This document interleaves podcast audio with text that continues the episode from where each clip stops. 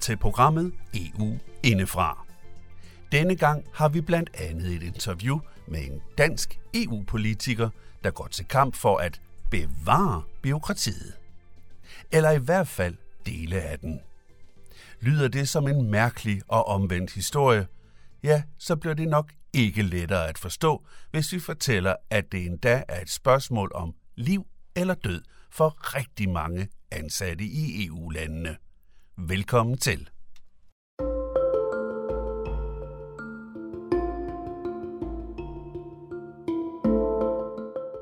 Jeg hedder Marianne Vind, og jeg er valgt til Europaparlamentet. Lige nu der sidder jeg i vores øh, bygninger i Strasbourg og er med jer direkte herfra.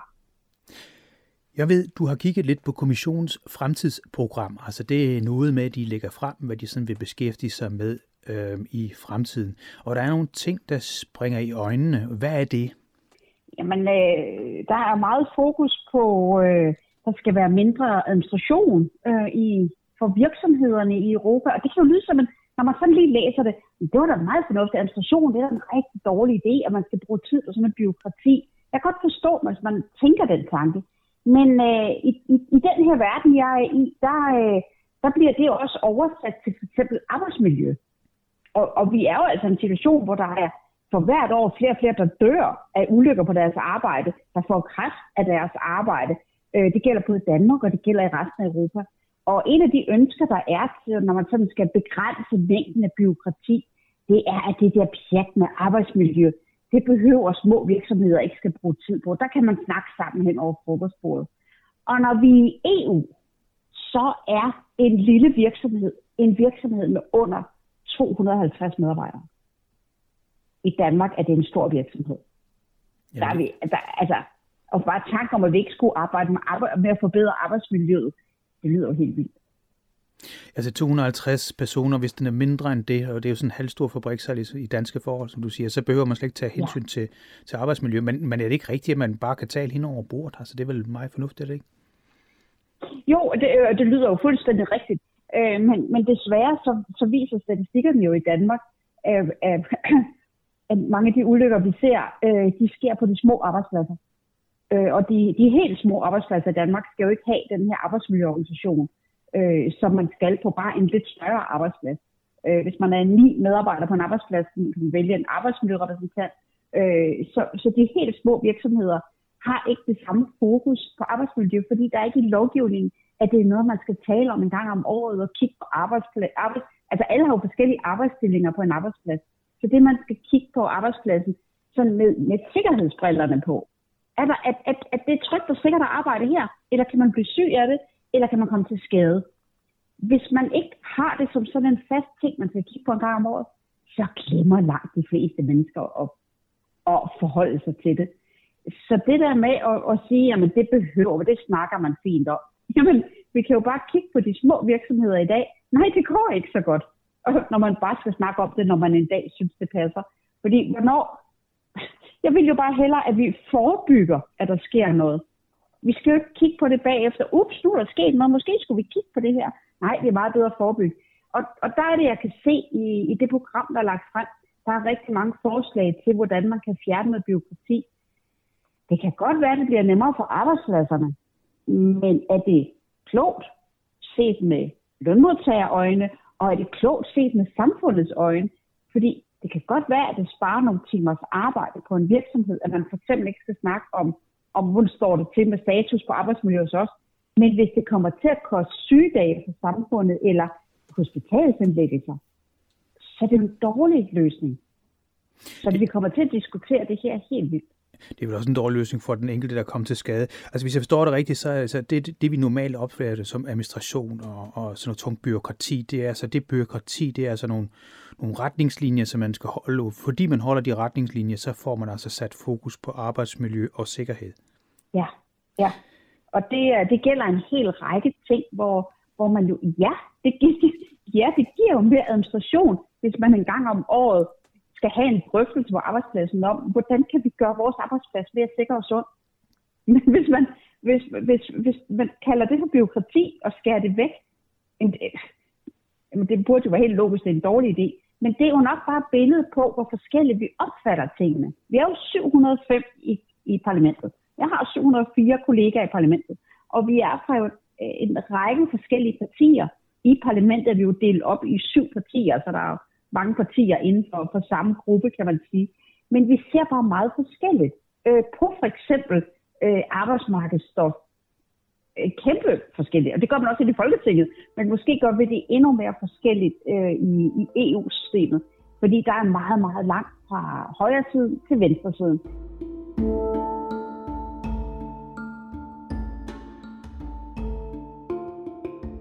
Jeg ved godt, der er mange, der lidt glemmer, at vi er delt op i partier, ligesom man er i Folketinget. Jeg møder i hvert fald mange danskere, der, der siger, når man i 14, I arbejder jo sammen for Danmark. Ah, ah det, øh, det kan man ikke helt sige, fordi så kan man jo lige så godt sige, at dem inde i Folketinget, de 179 i Folketinget, de arbejder sammen for Danmark. Nej, vi har jo nogle forskellige ideologier. Øh, så, så det, man går ind i lufthavn, flyet i Kastrup med den holdning til det billede af den drømme Europa, det drømmeverden, man gerne vil have, det er jo forskelligt for hver af os. Så, øh, så det, hvor jeg synes, det er da fuldstændig logisk. Vi skal da ikke skære ned på det, der kan give sikkerhed på arbejdspladsen. Der har andre, der synes det. Selvfølgelig skal vi da det. Det er da ligegyldigt. Og det er jo lidt vildt forskel, men vi er forskellige. Ja, det er måske ikke alle, der forstår, hvordan øh, hvad skal vi sige, arbejdssikkerhed ser ud i andre lande. Jeg husker i hvert fald selv, uden at skulle nævne mig selv, men uh, en, da man byggede det nye råd, altså der, hvor ministerrådet er, der rendte der en masse byggearbejder rundt, uden uh, hverken høreværn eller hjelme eller eller, eller nogen som helst værn i det hele taget. Så, så det er jo ikke sikkert, at de andre prioriterer sikkerheden så højt, som, som Danmark gør, og Sverige går ud fra også. Men Nej, de her... og vi har jo faktisk samme lovgivning. Det er, det, der, det er et godt eksempel, det der, vi har samme arbejdsmiljølovgivning i Europa. Øh, det er meget let, der er bygget ovenpå i Danmark. Men, men for, den store forskel, det er, at vi har et arbejdstilsyn, der kommer ud og kigger, om tingene er i orden. Hvor der er jo andre lande i Europa, der har et arbejdstilsyn, der måske kommer ud, hvis der sker en dødsulykke på arbejdspladsen.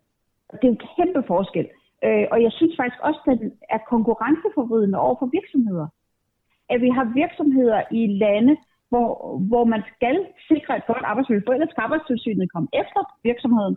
Og så konkurrerer de med, med virksomheder i lande, der egentlig har den samme arbejdsmiljølovgivning, men hvor der aldrig er noget kontrol. Så man ved, der er ingen kontrol. Det, det er da en unfair konkurrence. Og unfair konkurrence er jo netop en del af det, som EU ellers skulle beskæftige sig med. Marianne, hvordan går det så med resten af planerne, så, som, som der blev lagt frem af kommissionen? Ja, altså, øh, igen kunne, vi, kunne jeg nævne et, et eksempel, øh, altså omkring forurening. Øh, der er stadigvæk virksomheder, øh, byer og landbrug, øh, der forurener luften og vandet omkring os. Det kan både være havet, og det kan være øh, søer og åer i, ned igennem Europa. Øh, det oplever vi jo, øh, at det står lidt i stampe. Jeg synes ikke, der sker nok på det her område.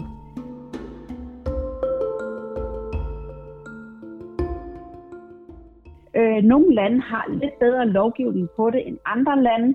Øh, og igen er det jo også konkurrenceforbrydende over for virksomheder. Hvis de kan få lov til at forurene i, i åen øh, i søen øh, i et land, men i et andet land, der øh, skal de rense deres spildevand og må ikke forurene. Det er jo mega konkurrenceforbrydende. Vi bliver nødt til at have en fælles lovgivning i EU, der er, der er stærk på det her område. Altså, det er jo, det er jo, det er jo næste generations øh, øh, luft.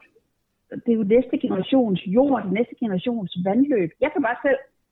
Altså, jeg var et af de unger, der, der, der i min barndom i 80'erne, 70'erne, 80'erne, øh, var nede i åen og fiske daphnier og ting og sager til sydstørsglas og studerede de forskellige små dyr, jeg fangede. Og jeg kan godt huske det op i 80'erne, at der lige pludselig ikke var liv i åen længere. Altså den blev bare grøn og underligt tykflydende, fuld af alger. Øh, så allerede dengang var der jo sket noget. Altså vandløbene var jo forurenet. Og noget blev hjulpet af, at vi fik, vi fik jo rensningsanlæg øh, der i 80'erne og 90'erne, som begyndte at tage øh, en masse. Øh, men, men vi har jo stadigvæk ikke fået det liv tilbage i vandløbet, jeg kan huske, der var i 70'erne. Det er en katastrofe. Ja, og det samme kan jo gælde havmiljøet. Øh, nu nævnte du lige, at nogle lande måske tager mere lempeligt på det her med arbejdsmiljø, men når du nu nævner vandløb, så er det vel egentlig Danmark, der er stopklodsen? Ja, altså vi er jo ikke øh, forrest i bussen her, det er jo fuldstændig rigtigt. Øhm, og der har argumentet jo været, at vi skal konkurrere med andre lande, og det argument holder jo bare ikke rigtigt i længden. Øh, vi bliver jo nødt til at hæve baren, fordi vi, altså, løsningen er jo ikke, at vi alle sammen er på lavt niveau, så alle vandløb i Europa dør. Altså, løsningen er jo, at vi hæver niveauet for, øh, hvordan vi kan undgå forurening.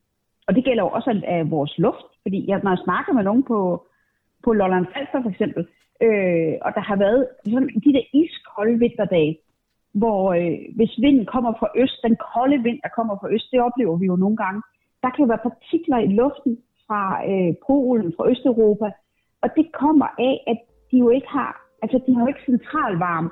Hver lejlighed, hvert hus har sin egen brændeovn. Og når det er koldt, så skal der rigtig meget den brændeovn for at varme et hus eller en lejlighed op, der ikke er isoleret, eller i hvert fald ikke særlig godt isoleret. Og selvfølgelig er der forbud mod at bruge de mest forurenende former for kul, men, men altså helt ærligt, jeg kan jo godt forstå, hvis børnene fryser, så propper man jo hvad som helst ind i den brændeovn øh, for at få varme. Øh, I hvert fald i stuen, så man stå sammen inde i stuen. Så, så vi har jo en massiv luftforurening også, og EU kan være med til at løse det her. Øh, der skal flere penge sættes af til, til energirenovering af bygninger. Altså bare i Belgien, jeg har da boet i en lejlighed i Belgien, da jeg kommer herned i, i 19. I, I den lejlighed, der var ikke termostat på radiatoren, og der var ikke termoruder. Så når det blev for varmt, så slukkede man for radiatoren og åbnede vinduet. Det er jo, jeg kan slet ikke huske, hvornår jeg har været i et hjem i Danmark med, med enlagsruder og måske en enkelt, men, men hele bygningen er med enlagsruder.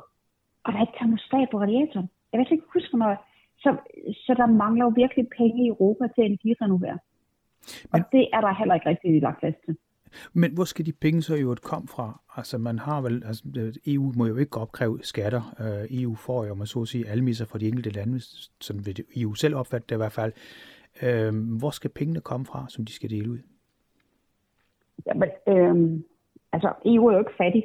Øh, der er jo øh, milliarder af euro i systemet øh, diskussionen står så bare imellem, øh, hvor skal pengene komme fra? Altså, hvad, hvad, hvad er det så for nogle andre steder, der ikke skal have penge, hvis vi sørger for, at der kommer nogen hertil? Og det er jo selvfølgelig altid en evig diskussion, men hvis vi skal fremtidssikre øh, Europa, øh, at vi skal blive øh, fuldstændig fri af russisk gas, for eksempel, så bliver vi jo nødt til at få energirenoveret husene, så man ikke har brug for så meget opvarmning. Men, men vi skal jo også have gang i hele den grønne øh, alternative energi, så vi kan blive fri for russisk gas, fordi det er vi jo stadigvæk ikke i Europa. Altså da, da krigen i Ukraine brød ud, der var det halvdelen af den europæiske gas, der kom fra Rusland. Halvdelen. Det, altså alle har så arbejdet, alle kræfter er lagt på, at vi skal blive fuldstændig uafhængige af russisk gas, øh, både fordi vi ikke vil støtte Putin, men også fordi det er simpelthen risikabelt. Vi ved ikke, hvornår der kan blive lukket for den. Så, så under alle omstændigheder skal vi af med russisk gas. Men der er altså stadigvæk 11 procent af gassen i Europa, der kommer fra Rusland. Det er enorme mængder. Så vi skal meget mere i den her retning. Øh, men det er jo igen også, øh, der er jo nogen, der synes, at det er en god idé, at vi køber gas øh, af Putin. Det synes jeg ikke. Ja, og noget af det gas, vi får nu, kommer fra Azerbaijan, som netop har erobret øh, enklave i Nagorno-Karabakh, kunne jeg tilføje. Men det her fra, hvor du siger, at der er penge nok i systemet, så lad mig spørge direkte, hvis du fik magten, som du kunne tænke dig at øh, gå fra, hvor vil du så tage pengene fra? Øh, jeg tror, at vi kunne omlægge, det kunne for eksempel være noget af de regionale udviklingsmidler, som skulle gå direkte til energirenovering. Det, det kunne virkelig være en god idé. Et andet område er, at vi faktisk har, vi har jo afsat rimelig mange øh, milliarder euro øh, af til øh, det, der hedder Green Deal. Og i den er der jo også sat af til, at man skal omlægge til altså, grønne alternative opvarmningsformer. Men øh, en del af de penge, der bliver sat ud til hver enkelt land, er jo gået til øh, der er nogle lande, der har brugt dem til de her varmesjek, da det var, på, da det var koldt sidste vinter, og familierne ikke havde råd til øh, at varme deres hus op, deres lejlighed op. så fik de en øh, varmesjek fra staten. I Danmark, der blev den hævet ud af vores finanslov, øh, men, men andre lande, der har man brugt pengene til det. Og det, altså, det er faktisk lidt uheldigt, fordi øh, hvis vi en gang for alle fik energirenoveret, så kunne der jo for alvor spares penge. Så, så vi er et lidt uheldig cirkel, hvor pengene, der var sat af til det, er blevet brugt til, til varmehjælp.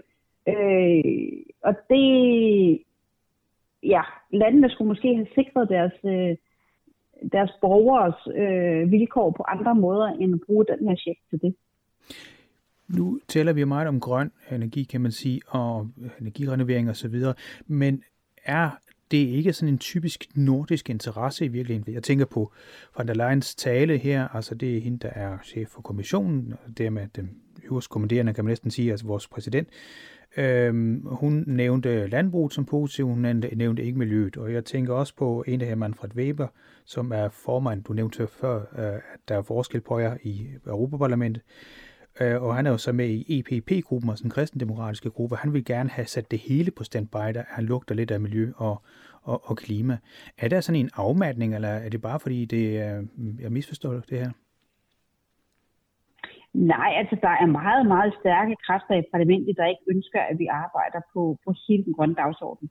Øh, og det, det er jo mange forskellige. Altså Tyskland har jo været altså, virkelig trukket det i langdrag med, øh, med at vi går mere og mere over til elbiler. Og, og det handler jo om, at den tyske bilindustri, de har simpelthen ikke sørget for efteruddannelse af alle de mange, mange, mange, mange tusind tyskere, der arbejder i bilindustrien. Øh, der er simpelthen ikke i god tid nok fået, altså blevet sat det, vi har i Danmark, AMO-kursussystemet, øh, som er super godt. Det har de ikke i Tyskland. Så de, de har ligesom ikke, de er ikke på forkant med at sørge for noget andet uddannelse, fordi halvdelen af dem bliver arbejdsløse den dag, at vi alle sammen kører elbiler. Fordi det kræver kun halvt så mange hænder at samle delene til en elbil, fordi der ikke er så mange dele i. Det er også derfor, det er billigere på værkstedet, fordi der er ikke så mange dele, der kan gå i stykker på en elbil i forhold til en benzin- og dieselbil. Så Tyskland er et af de lande, der virkelig har trukket den grønne dagsorden i langdrag. Og så er der jo bare, jamen jeg har jo kollegaer i parlamentet, som, som ikke kan se, at der er nogle problemer. Der er ingen problemer med klimaet, der er ingen problemer med forurening. Øh, jamen herregud, øh, det, det klarer vi nok, det her. Så, og, og der er forskel på rød og blå blok i, i parlamentet, og, og blå blok har flertal i parlamentet og i, i kommissionen, og selvfølgelig også blandt, øh, når, når vores statsminister er afsted til, til ministermøder, øh, så er der også et flertal af blå regeringer i Europa, og de trækker simpelthen øh, i en anden retning. Vi har jo, vi har jo meget, meget mørkeblå regeringer øh, i Europa, øh, altså øh, fascister, som vi jo slet ikke har i, i Danmark. Øh, så det er jo på den måde lidt en øjenåbner at komme til parlamentet og, og møde nogen med nogle så anderledes holdninger til tingene, end, end man oplever i Danmark.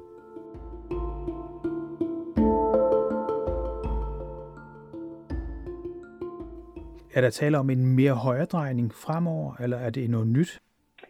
Øh, det, det til en vis grad noget nyt, fordi øh, ved sidste valg var det første gang, at øh, de to midterpartier, altså Socialdemokraterne og de kristenkonservative, at de to partier til sammen ikke var mere end halvdelen af stemmerne. Øh, det er første gang, at, at hvis de kunne blive enige om noget af de to partier, så har de haft flertallet at kunne, kunne trumfe det igennem.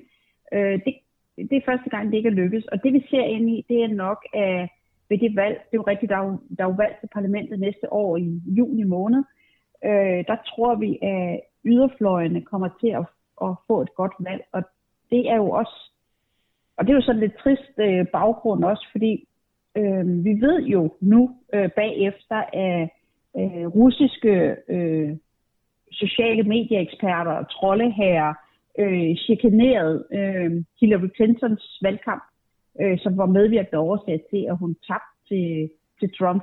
Og den, øh, den anden ting, vi ved også, at russerne var indtaget i, det var Brexit-afstemningen, hvor de kørte en hel masse øh, skrækscenarier på Facebook og Instagram og, og Twitter, og de kørte også en masse øh, positive drømmehistorier om, hvor fantastisk det ville være efter Brexit. Øh, og man har kunnet gennemholde øh, hver eneste af dem bagefter, at det her, det holdt ikke. Men det fik jo overbevist nogle englænder. Og hvis, hvis vi kigger på, hvilken situation Putin er i lige nu, så tror jeg, at han er, han har brug for et ustabilt Europa. Han har brug for et Europa, hvor landene holder sammen og står stærkt sammen.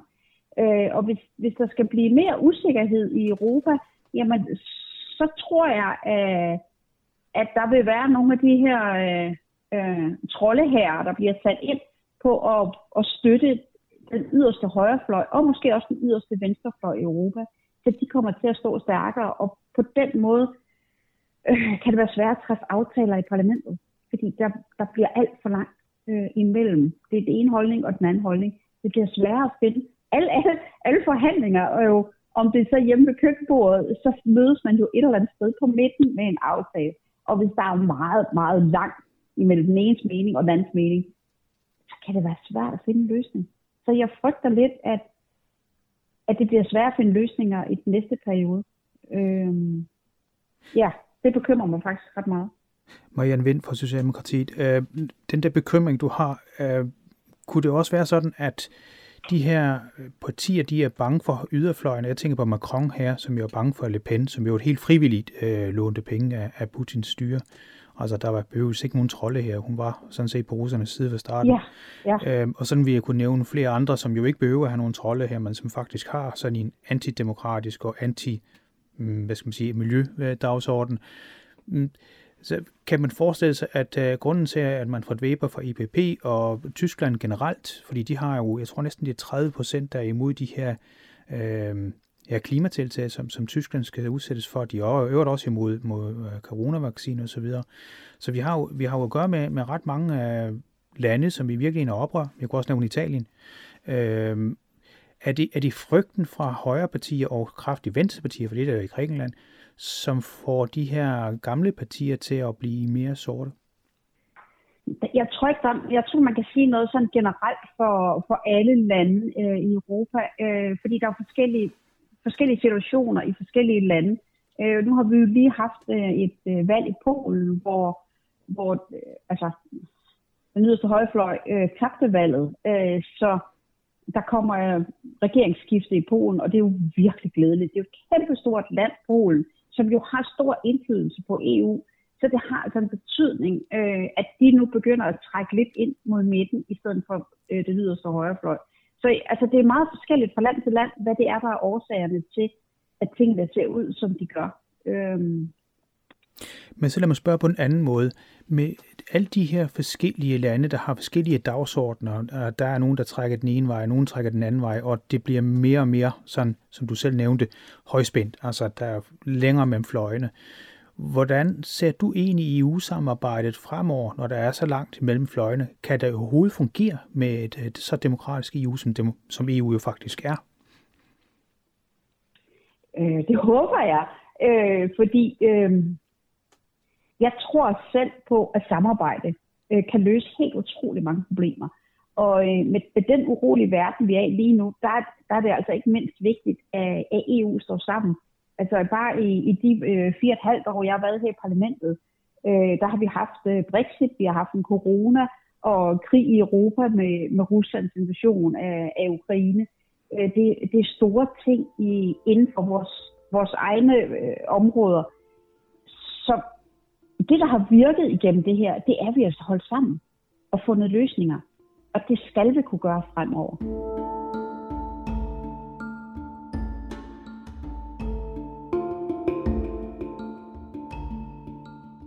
Øh, det kommer, det kommer meget, jeg, er sådan meget, jeg er meget demokratisk anlagt, tror jeg.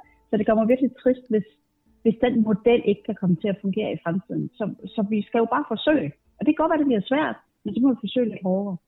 Men du erkender, at det bliver sværere så? Hvis, de, hvis valget så går den vej, det så det. altså.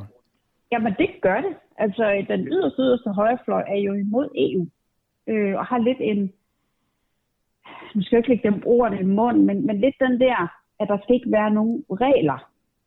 Øh, altså, EU skal ikke lave regler, nationalstaterne skal ikke lave regler.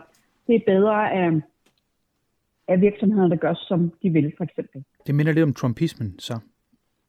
Ja, det kan man godt sige, ja. Øh, og det, der er jeg ikke. Øh, ikke fordi jeg er sådan en menneske, der synes, vi skal have kontrol med alting og lovgivning for alting, men man, noget behøver vi altså have. Øh, det frie marked løser altså ikke hverken klimakrisen eller nogen andre ting.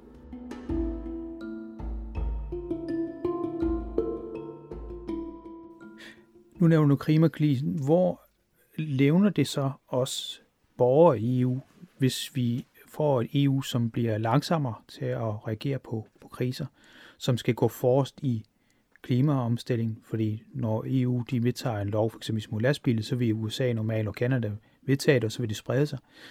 Og alt det her, altså, og vi har jo ikke særlig meget tid, ifølge de her klimaforskere, at gøre godt med. Er det ikke noget af det værste nyhed, du kommer med der, om at så sige? Jo, det har du faktisk ret i. Det er, øh, det er nemlig helt vildt bekymrende. Fordi, jamen Danmark kunne godt gå foran. Altså hvis vi nu forestiller os det, at Folketinget øh, laver noget benhård lovgivning øh, på nogle områder, så siger at virksomheden kun forurener sådan og sådan. Forbrugerne skal overgå til øh, alt andet end gas. Øh, vi skal alle sammen køre i elbiler øh, om to år og så videre. Altså hvis Folketinget virkelig laver skrab lovgivning. Men, men det er jo konkurrenceforvridende over for virksomheder, der ligger i et andet land. Det duer jo heller ikke. Så vi bliver nødt til at gøre det samlet i EU. Fordi jeg har heller ikke interesseret i konkurrenceudvidning, så virksomheder ikke kan ligge i Danmark, så vi ikke har nogen arbejdspladser i Danmark, så vi ikke har nogen virksomheder, der betaler skat øh, til Danmark, øh, en masse arbejdsløse i stedet for. Det er jo, ikke, det er jo heller ikke der løsningen er. Så vi har jo brug for, at, at fællesskabet i EU laver en fælles lovgivning, der gælder for alle. Men øh, det kan godt være svært. Men det, det er det, der skal til.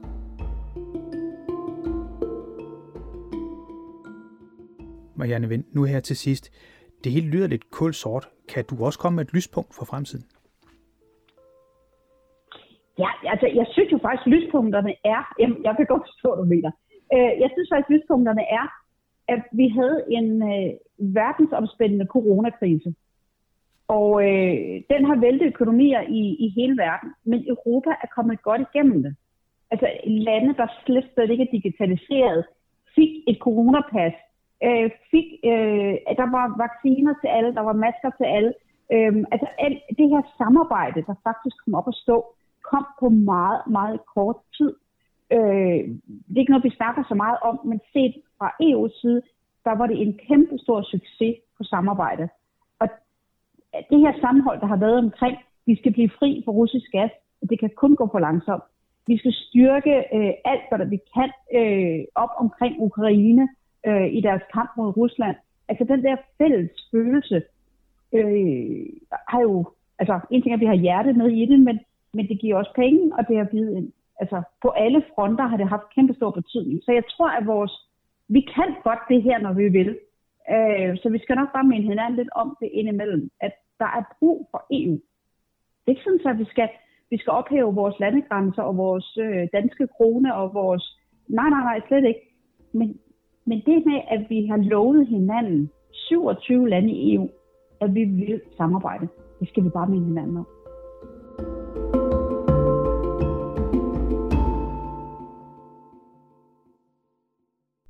Du har hørt Marianne Vind blandt andet fortælle om, hvorfor afskaffelsen af byråkratiet kan koste mange arbejdere i EU både deres helse og måske endda livet. Hun er valgt ind i Europaparlamentet for partiet Socialdemokratiet. Journalisten, der interviewede, han hedder Jan Simmen. Udsendelsen her er en del af udsendelsesrækken, som hedder EU Indefra. Du kan finde hele rækken på vores hjemmeside på adressen radiomb.dk-eu. Det var altså radiomb.dk-eu. På Facebook skal du søge efter e-folkeoplysning eller den elektroniske folkeoplysning. På den side er du velkommen til at kommentere og diskutere løs. Helt som altid på det medie, dog med den forskel, at vi gerne vil bevare en god tone og savlig debat. Så er du til debatter på en civiliseret måde, så besøg e-folkeoplysningen på Facebook. Du skal nemlig være så hjertelig velkommen. Udsendelsen her, den er støttet af Europanævnet. Mit navn er Kim Matar Bundgaard, og jeg siger tusind tak, fordi du lyttede med, og på genhør næste gang.